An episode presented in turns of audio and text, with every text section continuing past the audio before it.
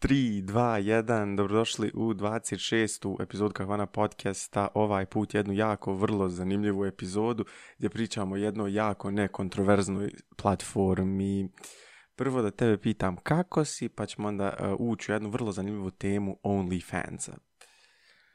Pozdrav svima, ja sam veoma dobro. Kao što sam rekao, danas imamo tako nekontroverznu temu o kojoj pričamo. U ovom slučaju mi ovo pričamo sa tehnološkog aspekta, biznis aspekta.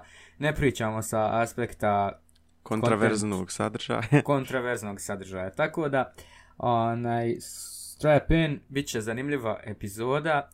E, to je to, ništa, krećemo. Edo, šta nam ovo imamo, znači, ako nas gledate na video, imamo ovdje neki meme, ali evo, za, nas koji, za vas koji nas slušate, uh, rećemo, znači, o čemu se radi, u pitanju je da je OnlyFans banning sexual content. Uh, na prvu vam to zvuči isto da, ne znam, Facebook zabrani postanje postova, a Instagram zabrani postanje slika i videa. Ono, prilike, what the hell, šta ćete drugo postati, tako? Ili Snapchat zabrani Snapchat stories.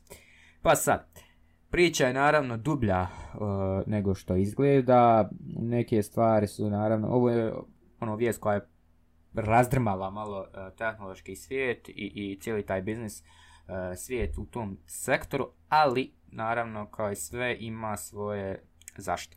Tako da uh, mi ćemo ovdje prvo da prođemo kroz ovo kako je Verge to reporto, šta se u stvari desilo i zbog čega trebalo od 1. oktobra 2021. godine da OnlyFans uh, zabrani donekle taj neki eksplicitni sadržaj. Ovdje je znači priča kao govori o tome da ne bi trebalo da zabrani sav eksplicitni sadržaj, iako kompanija pokušava da uđe na Safe for Work marketplace. U tom slučaju govorimo o Google Play Store-u i Apple Store. Kao što svi znate, takve aplikacije nisu dobrodošle niti na jednu platformu, na iPhoneu je to još kritičnije, zato i da imaju svoju neku eksternu aplikaciju, ne bi je mogli, ne bi je mogli staviti, odnosno sideloadati na uh, uređaje. Tako da, Edo, ti nas malo provedi kroz prič, pa ćemo onda diskutovati šta bi moglo biti ovo i napravit ćemo donekle neki kontrast između ovoga poteza i poteza Tumblra prije godina i godina, da. sve ko sjećavše šta je Tumblr. Je, do, ja sam zaboravio da je to postoji, ali ne znam postoji li više uopšte Tumblr. Ne postoji, jel? Pa postoji, samo su i oni ovako napravili mali ovako ideje da sa not safe for work contenta prođu na safe for work content, samo je ta platforma žela 50% takva. Ova je oko 90% takva. A Tako dobro. Trebalo da vidiš se znači, toga. OnlyFans je postao popularan, hajmo reći prije godinu dvije, kad su popularne osobe na društvenim mrežama počeli prodavati eksplicitni sadržaj. To znači da su oni mamili ljude na Twitteru, Instagramu, Snapu, nebitno, ljude da se pretplate na njihov OF, da bi, kako bi im prodavali svoj premium sadržaj koji nije javno dostupan. Naravno, čim on taj sadržaj prodaju, to se kasnije redistribuira po internetu, ali to nije naša sad tema. Naša tema je to da je OnlyFans sebe brendirao Da li namjerno, nenamjerno, ne znam, ali doslovno kod strancu gdje se doslovno prodaje samo sadržaj za e, eksplicitni sadržaj koji, koji ne može se gledat legalno na drugim društvenim mrežama jer je tamo zabranjen. Šta se tu desilo? Stranca je postala ultra mega giga popularna ja mislim da su do sad svi čuli šta oni rade, čime se bave i, ka, i da, da kreatori na tim strancama zarađuju ogromne količine novca. U zadnje vrijeme najpopularnija osoba koju ja znam da je ušla, ja mislim, Korina Kopf, koja je rekla da je za prva dva dana svog postavljanja zaradila milion ili dva dolara, tako nešto. Što su ono absurdne cifre i zato sad su svi, zato, je, zato postoji zapravo toliki hajp oko te strance. Šta se sad ovdje trenutno dešava? Ovdje piše pod naslov uh, oni se odvajaju od tog sektora od pritisaka banaka. Prošle godine uh, glumica Bella Thorne ona je, ona mislim, bila Disney star i glumica u nekoliko ono, filmova, normalna, klasična glumica, nije eksplicitna glumica, da tako to nazovemo. I ona je napravila OnlyFans i rekla kao, hej, postavljat ću ja tamo eksplicitni sadržaj i naravno čitav internet se blago rečeno naložio na to, očili su tamo, platili su da vide taj sadržaj, ali ona na kraju ništa nije postavila, što je k konzumerima bilo zanimljivo, da tako kažemo. Onda su se ti ljudi naljutili i napravili chargebackove. E sad, Zamisli da tebi na račun u firmu legne, hajmo reći, jedno 2-3 miliona dolara i da ti 99% tih ljudi traži chargeback ono odmah sutra. To će u očima banke zvučiti kao jedna ogromna prevara, što u jednu ruku jest bilo, ne, u jednu ruku ne tehnički, ali može se tako protumačiti, gdje su velike banke koje rade payment sistemi koji forwarduju novac OnlyFansu, su se naljutile na njih i rekle da ne može to tako više funkcionisati, ne možete se igrati tako da, da imamo toliki protok, uh, toliki ono, ulaz, izlaz novca u kladionci. I sad oni imaju problem kako će da oni to riješe. Bellator je to sve navukla, nestala, mislim iz ovog space sad su ostali, sad su još više poslije toga ljudi naložili, počeli objavljivati u sadržaj.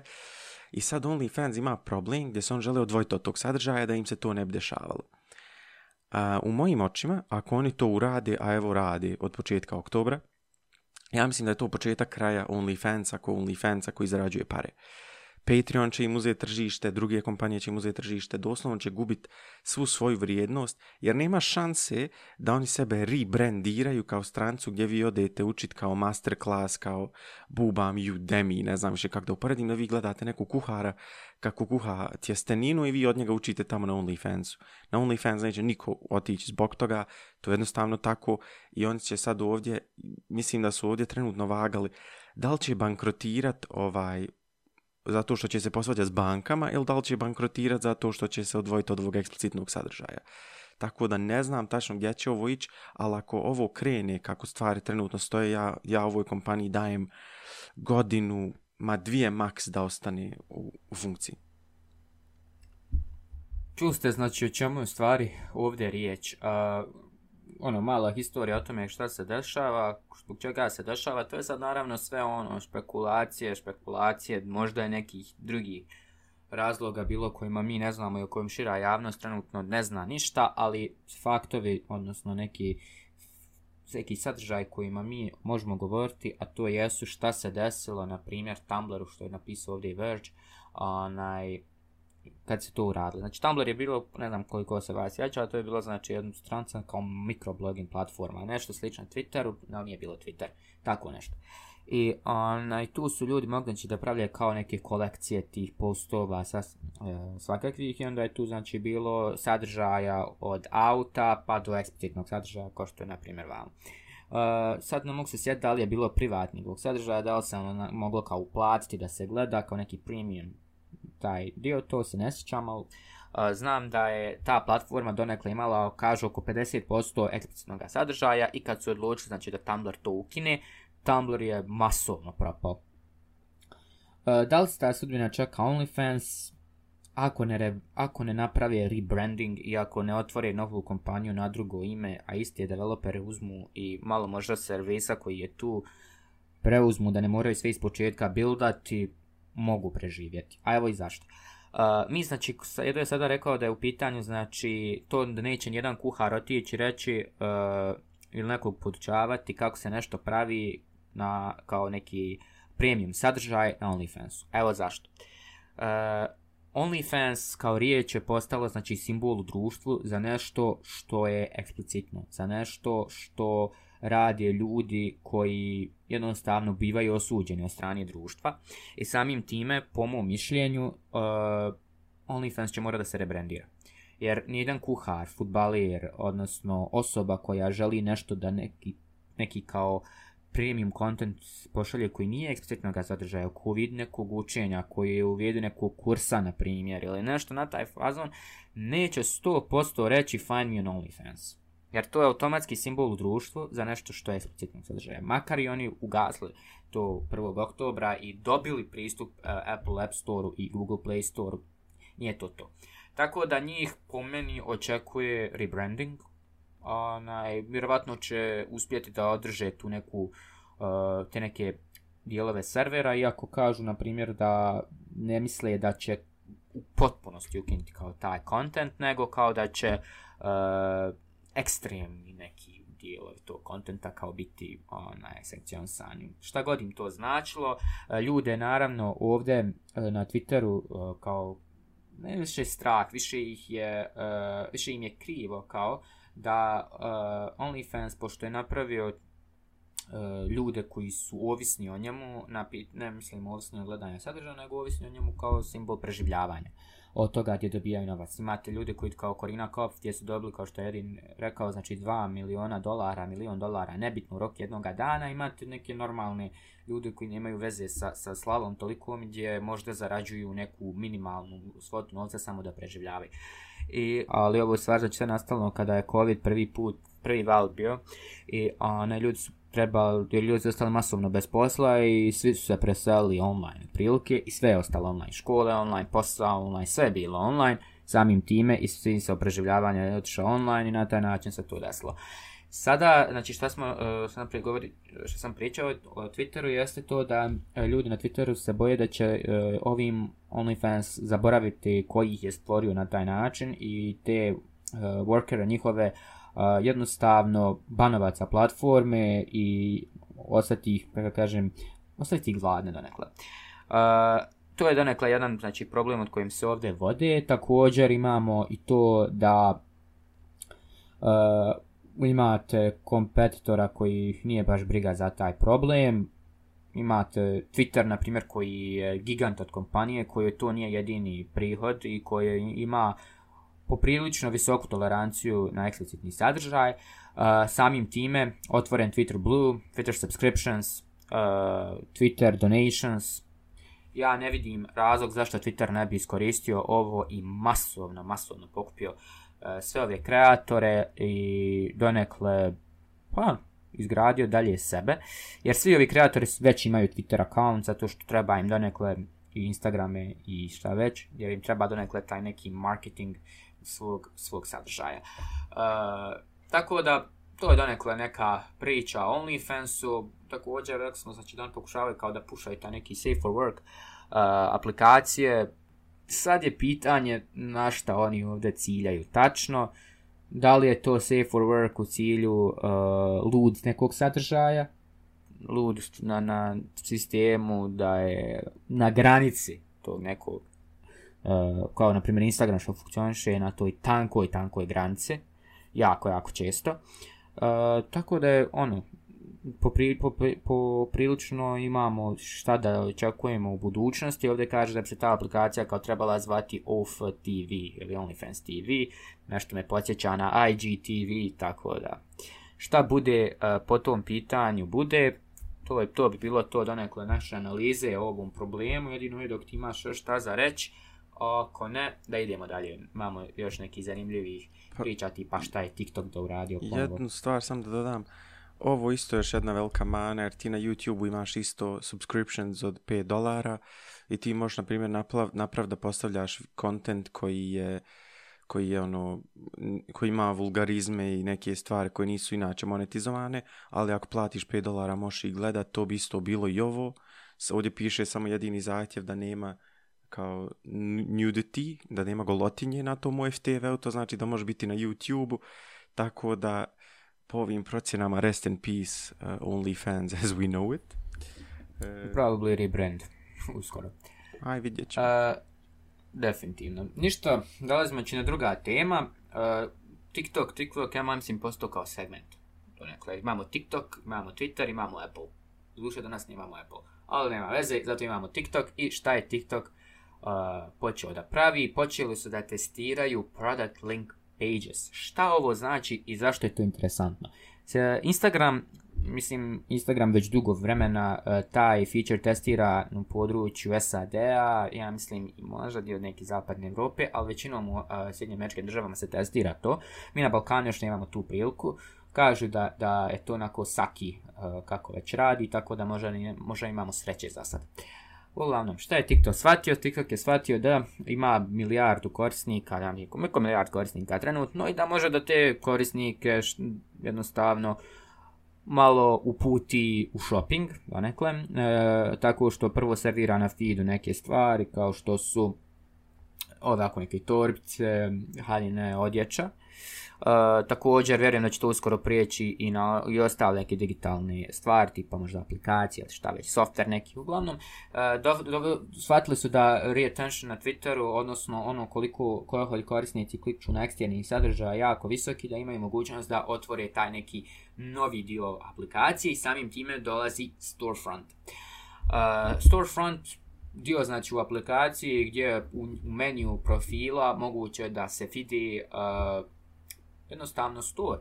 Uh, store, te neke, pretpostavljam, uh, možda Shopify da je, da je integrisan, ako imate Shopify store, integrišete tu, imate i TikTok store, još ako napravite neku od ovih, uh, kako se zove, zanimljivih, možda nekih kao lower prices, neki discounts, tako to, dobijete još bolju opciju. I ovdje imamo kao da je to da se svaki od tih slika može uvećati, otvoriti, šta god. I onda imamo ovo da ako purchase se može uraditi na web sajtu na kojem se to nalazi. E sad, ovo me zanima zašto TikTok, na primjer, uh, nije otišao kao ja mislim Facebook što ima svoj marketplace gdje su bi sav prihod išao njima. Ali očigledno nisu mogli, tako da vjerovatno nisu za sad mogli, ali mislim da će to uskoro da se desi, gdje će, gdje će u stvari TikTok reći, ok, ti uneseš te podatke, uneseš PayPal registration, bla bla bla, šta već treba i samo mi, znači, završimo taj posao, purchasujemo za tebe. Kroz aplikaciju, ne moraš ići na eksterne linkove, ne moraš gledat da li je link siguran, da li ovo, da li ono, da li te neko skemuje, nego jednostavno budemo i riješimo to sve unutar aplikacije. To je možda sljedeća neka budućnost ovoga, ali eto, vidjet ćemo onaj, kako taj neki test uh, se njima isplati. Ovo je strašno, sam da dodam. Jer znaš što znači da ti prodaješ, na primjer, šminke, odjeću, satove, ono, direktno, da je click-through rate, ono, bit će ogroman ako ovo uspostave ovako. Koliko ovo, četiri klika, kako? Pet? Pa, po ovom ovdje uh, ima kao, klikneš na, to ti izađe kao na feedu, onda klikneš na ovo kao naziv ovog artikla, ode, odeš na profil, profil se pogleda, onaj, vidiš znači koji je to artikal, ti samo odmah otvori artikal. Jer u ovom slučaju ovdje prikazuje da klik na uh, video ovaj gornji dio uh, i kako se zove, ono iznad, znaš gdje imaš uh, username pa ono iznad, odmah te vodi na uh, native store, na native PDP, to ti je ono kao uh, front page od tog artikla, ili ako odeš na storefront možeš da vidiš u video ako otvoriš profil, kako god to s dva, tri klika koja te vode automatski do kupovini, odnosno web checkouta. Tako da po meni ovo briljantno. Strašan potez za influencer marketing. Influencerima marketingu, ali i TikTok. Mislim, TikTok trenutno nema ništa od zato što nema nikakav purchase od ovog, ali ima mogućnost da ako budu stavili da e, bude samo ako plaćaš, na primjer, neki mjesečnu svotu, da možeš uopšte da linkaš shop. Što ima logike. Ako želiš da se promošeš na nekoj platformi, plati. Tako da, po meni to ima dosta logike i dosta im jednostavnije nego integrisanje purchase on TikTok kroz neki hiljad nekih stvari koje, koje, koje bi trebalo da rade simultano i koje bi trebalo da rade za milijard korisnika, tako da je ovo poprilično po meni smart move. Uh, šta Sljedeći smart move. A ne znam, ovo ne možemo baš nazvat nekim smart moveom koliko ja ono vidim, zato što Facebook je po meni aplikacija koja je dead. Aplikacija koju koristiš kad nemaš interneta zato što učita par onih postova i onda je gasiš zato što je sadržaj star 3 dana. Uh, ne znam. Jest, vidi, jes to tako, ali ti ja ne pripadamo demografiji koja, koja Trenutno gleda one vide. Facebook. Ja, mi koristimo Twitter, TikTok, Instagram, TikTok, tako te e, modernije, novije aplikacije, ali na primjer ljudi, ono, 30-40 plus koji upale Facebook i gledaju one 5 uh, minute crafts vide koji imaju stotine miliona pregleda, će ja mislim uživati u, u ovoj opciji da, da imaju TikTok ili ja u Reelsu na, na Facebooku. Eto. Ne, ne, iskreno ne bi znao što, kako ću vam to onaj, bude po komentarima, mislim da ljudi onaj nisu baš toliko onaj, oduševljeni, ali dobro je pitanje sad, da li Facebook želi da bude Clubhouse ili TikTok ili sve u jednom? Odgovor je naravno sve u jednom. Uh, naravno, Facebook, ja znam, Facebook je donekle onaj, kompanija koja se bavi svim i svačim, kao što znate, njihov je Instagram, Oculus, ovo sad što ćemo pričati, uh, šta ja znam šta je još njihovo Instagram, Oculus, Whatsapp, kad uđemo u Instagram imamo ni dole ikonica ako u priči pa vidite na primjer ona šta je sve Facebookovo tako da ona, U ovom slučaju govorimo o Oculusu, Oculus VR, virtualna realnost. Šta je to virtualna realnost? Nešto što nije naša realnost i što nije opipljivo, ali donekle bi trebalo da izgleda realno, što pomeni ovaj njihov sistem koji su integrisali i ne predstavlja. Zašto? Zato što likovi izgledaju avatarizirano i zato što definitivno ne izgledaju kao normalna bića.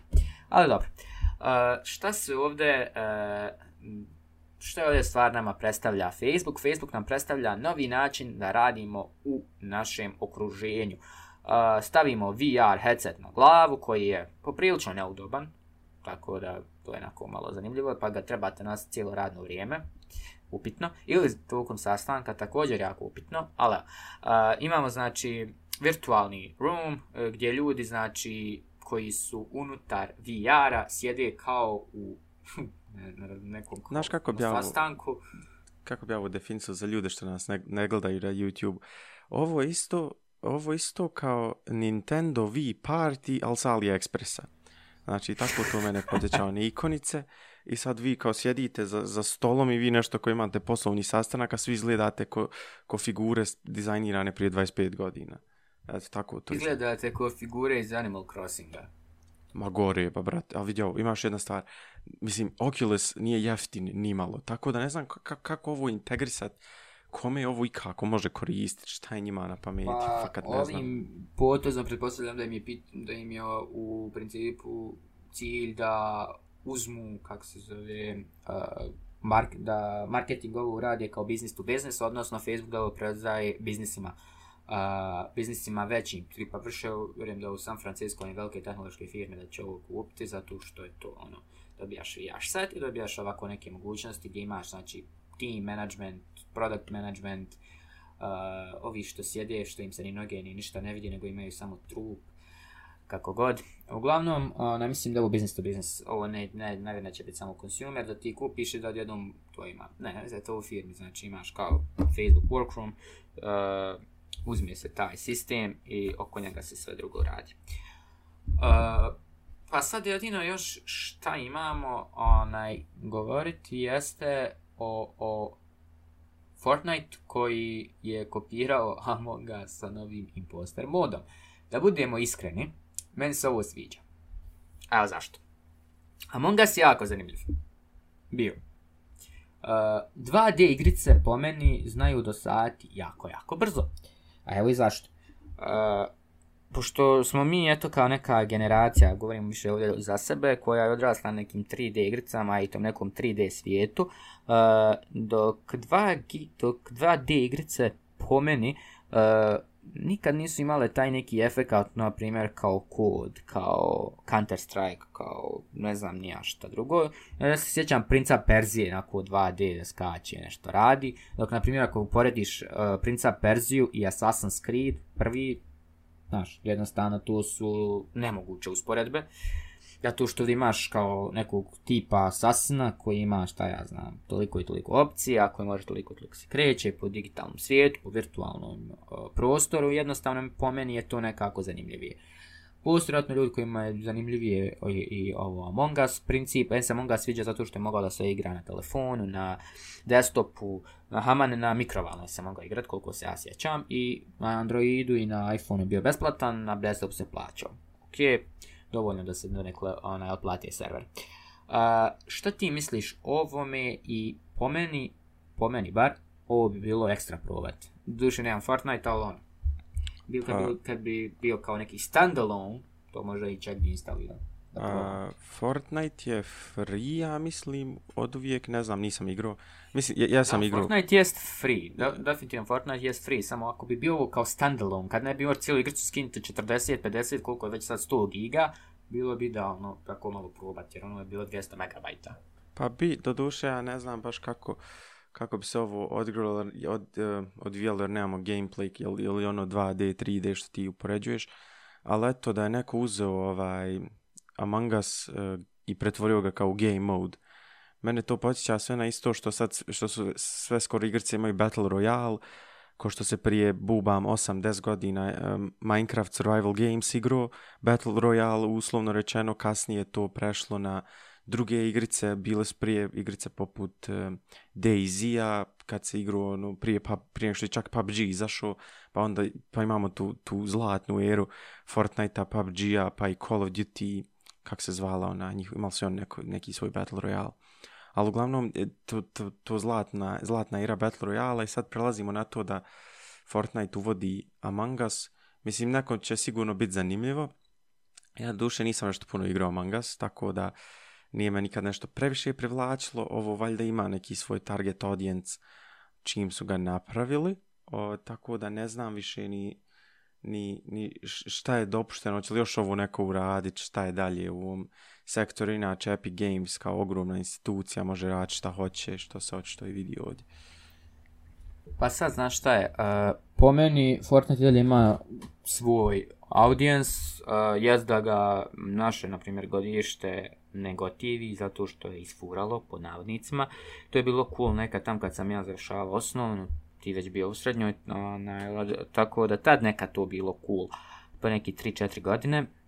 Sada već ljudima je to cringe. Uh, ali naravno dolaze novije generacije, mlađe generacije kojima je sada to cool, znaš. Tako da definitivno ima svoj target audience, definitivno uh, će ovo da opet bude, ja mislim, streaming možda opportunity, gdje je, jer Among Us stvar nije bilo ništa drugo nego ekstra streaming igrica, zato što se, šta ja znam, deset ljudi nađe u jednoj situaciji na kao semirskom postrojenju i odjednom se počinju ubijati onako pomalo. Onaj, tako da imaš kao neke killere ili šta su oni već kao imposteri i ovi ostali traže koje, tako što a, kao rješavaju neke zadatke, ako riješe zadatak prije nego što ih ovaj sve pobije, on kao pobjeđuje. I tako neka sistem igrica, ali na kraju niko nije rješavao. Odnosno imaš tri osobe koje rješavaju zadatke, ostale sam se kreću oko broda i ništa ne rade. Tako da, onaj, čekate neko kila i onda da se svađaš ko je, šta je, gdje ali po, meni u Fortniteu onaj, dosta je drugačije, znaš, dosta je to drugačije, jer imaš virtualni prostor 3D space gdje ti možeš dosta stvari da drugačije vidiš, na primjer možeš, možeš negdje i sakriti, gledati, možeš, možeš i buildati, ko bi znao, jer ono, u igrica te odredi koji si, znaš, igrica ti odredi koji si, ali ovo isto podsjeća onog uh, lika što je napravio sam 3D uh, Among Us, i ono suf, super full grafiku, uh, 3D sve, ali nismo dali iz Among Usa kompanije da objavi tu igricu zato što je to kao bilo infringement na njihov uh, kao copyright, šta li već, maja kao njihovih likova, bla bla bla, ali, uh, ali definitivno, uh, Epic Games s tim neće imati problem, zato što ne da ima armiju advokata, ima armije, armije sa još toliko bataljona. Tako da, znači, to Epic Games nema s tim problema, po mom, po mom nekom mišljenju.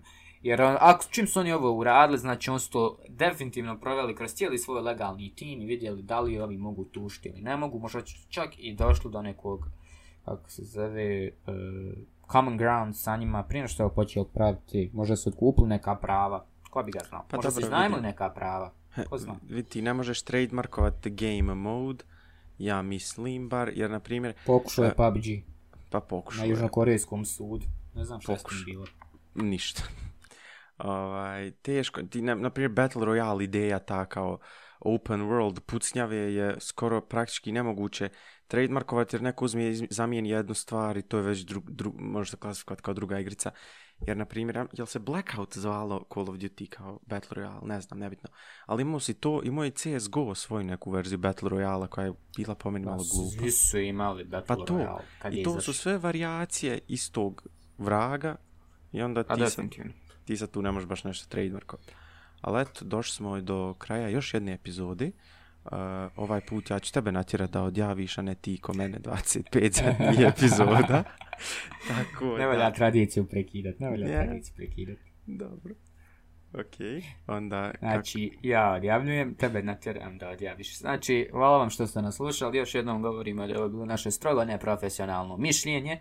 A, došli smo ko, do koje u kraju 26. 26. da. Kod mene 30.